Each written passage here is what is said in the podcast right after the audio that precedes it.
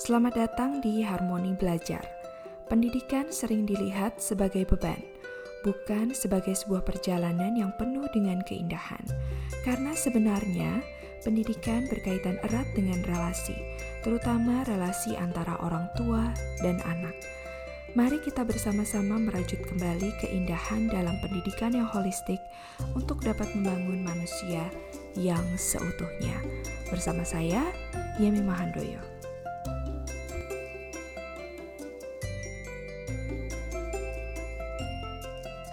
Artikel kali ini membahas tentang pentingnya istirahat. Saya memberikan judul untuk artikel ini, "Istirahat itu Salah". Sering kita merasa harus bertanggung jawab atas semua hal, dan kita harus memangku tanggung jawab itu sendirian. Bahkan malam hari sebelum kita tidur, kita tidak bisa berhenti memikirkan checklist tentang apa saja yang kita harus lakukan esok hari. Bangun pagi, kita tidak punya waktu untuk sekedar menikmati pagi dan mendengarkan siulan burung. Baru membuka mata, kita harus bergegas karena banyak hal yang sudah menanti untuk dikerjakan. Istirahat adalah sesuatu yang mewah. Istirahat biasanya di baris terakhir dalam setiap rencana yang kita buat. Bahkan mungkin kita tidak bisa memikirkan kapan akan beristirahat. Istirahat dilakukan dengan curi-curi waktu. Kerja keras bukan lagi sebuah keharusan. Lebih dari itu, kerja keras sudah berubah menjadi sebuah candu.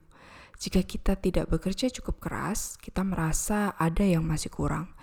Semua orang membahas tentang produktivitas.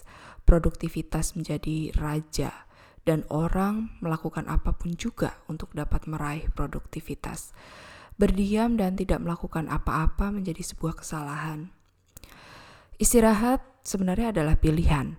Kita bisa memilih untuk memaksakan diri atau kita bisa memilih untuk beristirahat. Istirahat adalah waktu di mana kita bisa menyegarkan kembali jiwa kita dan memperbarui komitmen kita. Kesegaran jiwa dan komitmen bisa membantu kita untuk menghadapi hari esok. Istirahat sering kita artikan sebagai kegiatan setelah semua pekerjaan kita selesai. Namun, jika kita telisik lagi, seharusnya istirahat dilakukan sebelum kita melakukan kegiatan, sehingga pada saat kita menjalankan kegiatan, kita merasa segar dan penuh energi. Bagaimana kita bisa produktif jika kita kehabisan energi? Saat istirahat, kita menggunakan waktu untuk berdiam diri dan menikmati keheningan. Untuk dapat beristirahat, kita harus memilih, memilih untuk sejenak mengabaikan distraksi dari media memilih untuk meletakkan setiap pengharapan dan kekhawatiran kita kepada Tuhan, sejenak melepaskan setiap beban-beban, dan bersedia merendahkan hati meminta bantuan orang lain jika diperlukan. Kesibukan dan hiruk-pikuk mengaburkan hikmat dan kemampuan kita untuk berpikir lebih dalam. Saat beristirahat, kita bisa bersyukur kepada Tuhan atas segala yang terjadi, baik di masa lalu, masa sekarang, dan masa depan menumbuhkan kembali iman kita kepada Yang Kuasa. Bagi keluarga yang memiliki anak kecil, mungkin sulit untuk bisa menemukan waktu tenang. Inilah saat di mana kita merendahkan hati kita, melepaskan ego kita untuk menunjukkan bahwa kita ini kuat dan sempurna, dan kemudian meminta bantuan orang-orang terdekat kita. Kita bisa meminta bantuan untuk sesaat menjaga anak kita selagi kita mengambil waktu untuk istirahat kita komunikasikan kepada suami bahwa kita perlu mengambil waktu untuk istirahat. Kesampingkan masalah dapur, gunakan jasa catering. Rumah berantakan, cobalah untuk maklumi.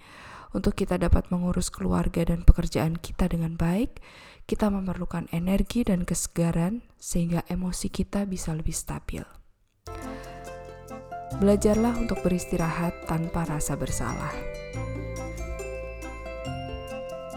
Demikian artikel kali ini. Jangan lupa subscribe di www.harmonibelajar.com dan dapatkan update informasi dan artikel terbaru seputar pendidikan. Saya Yemi Mahandoyo undur diri. Salam.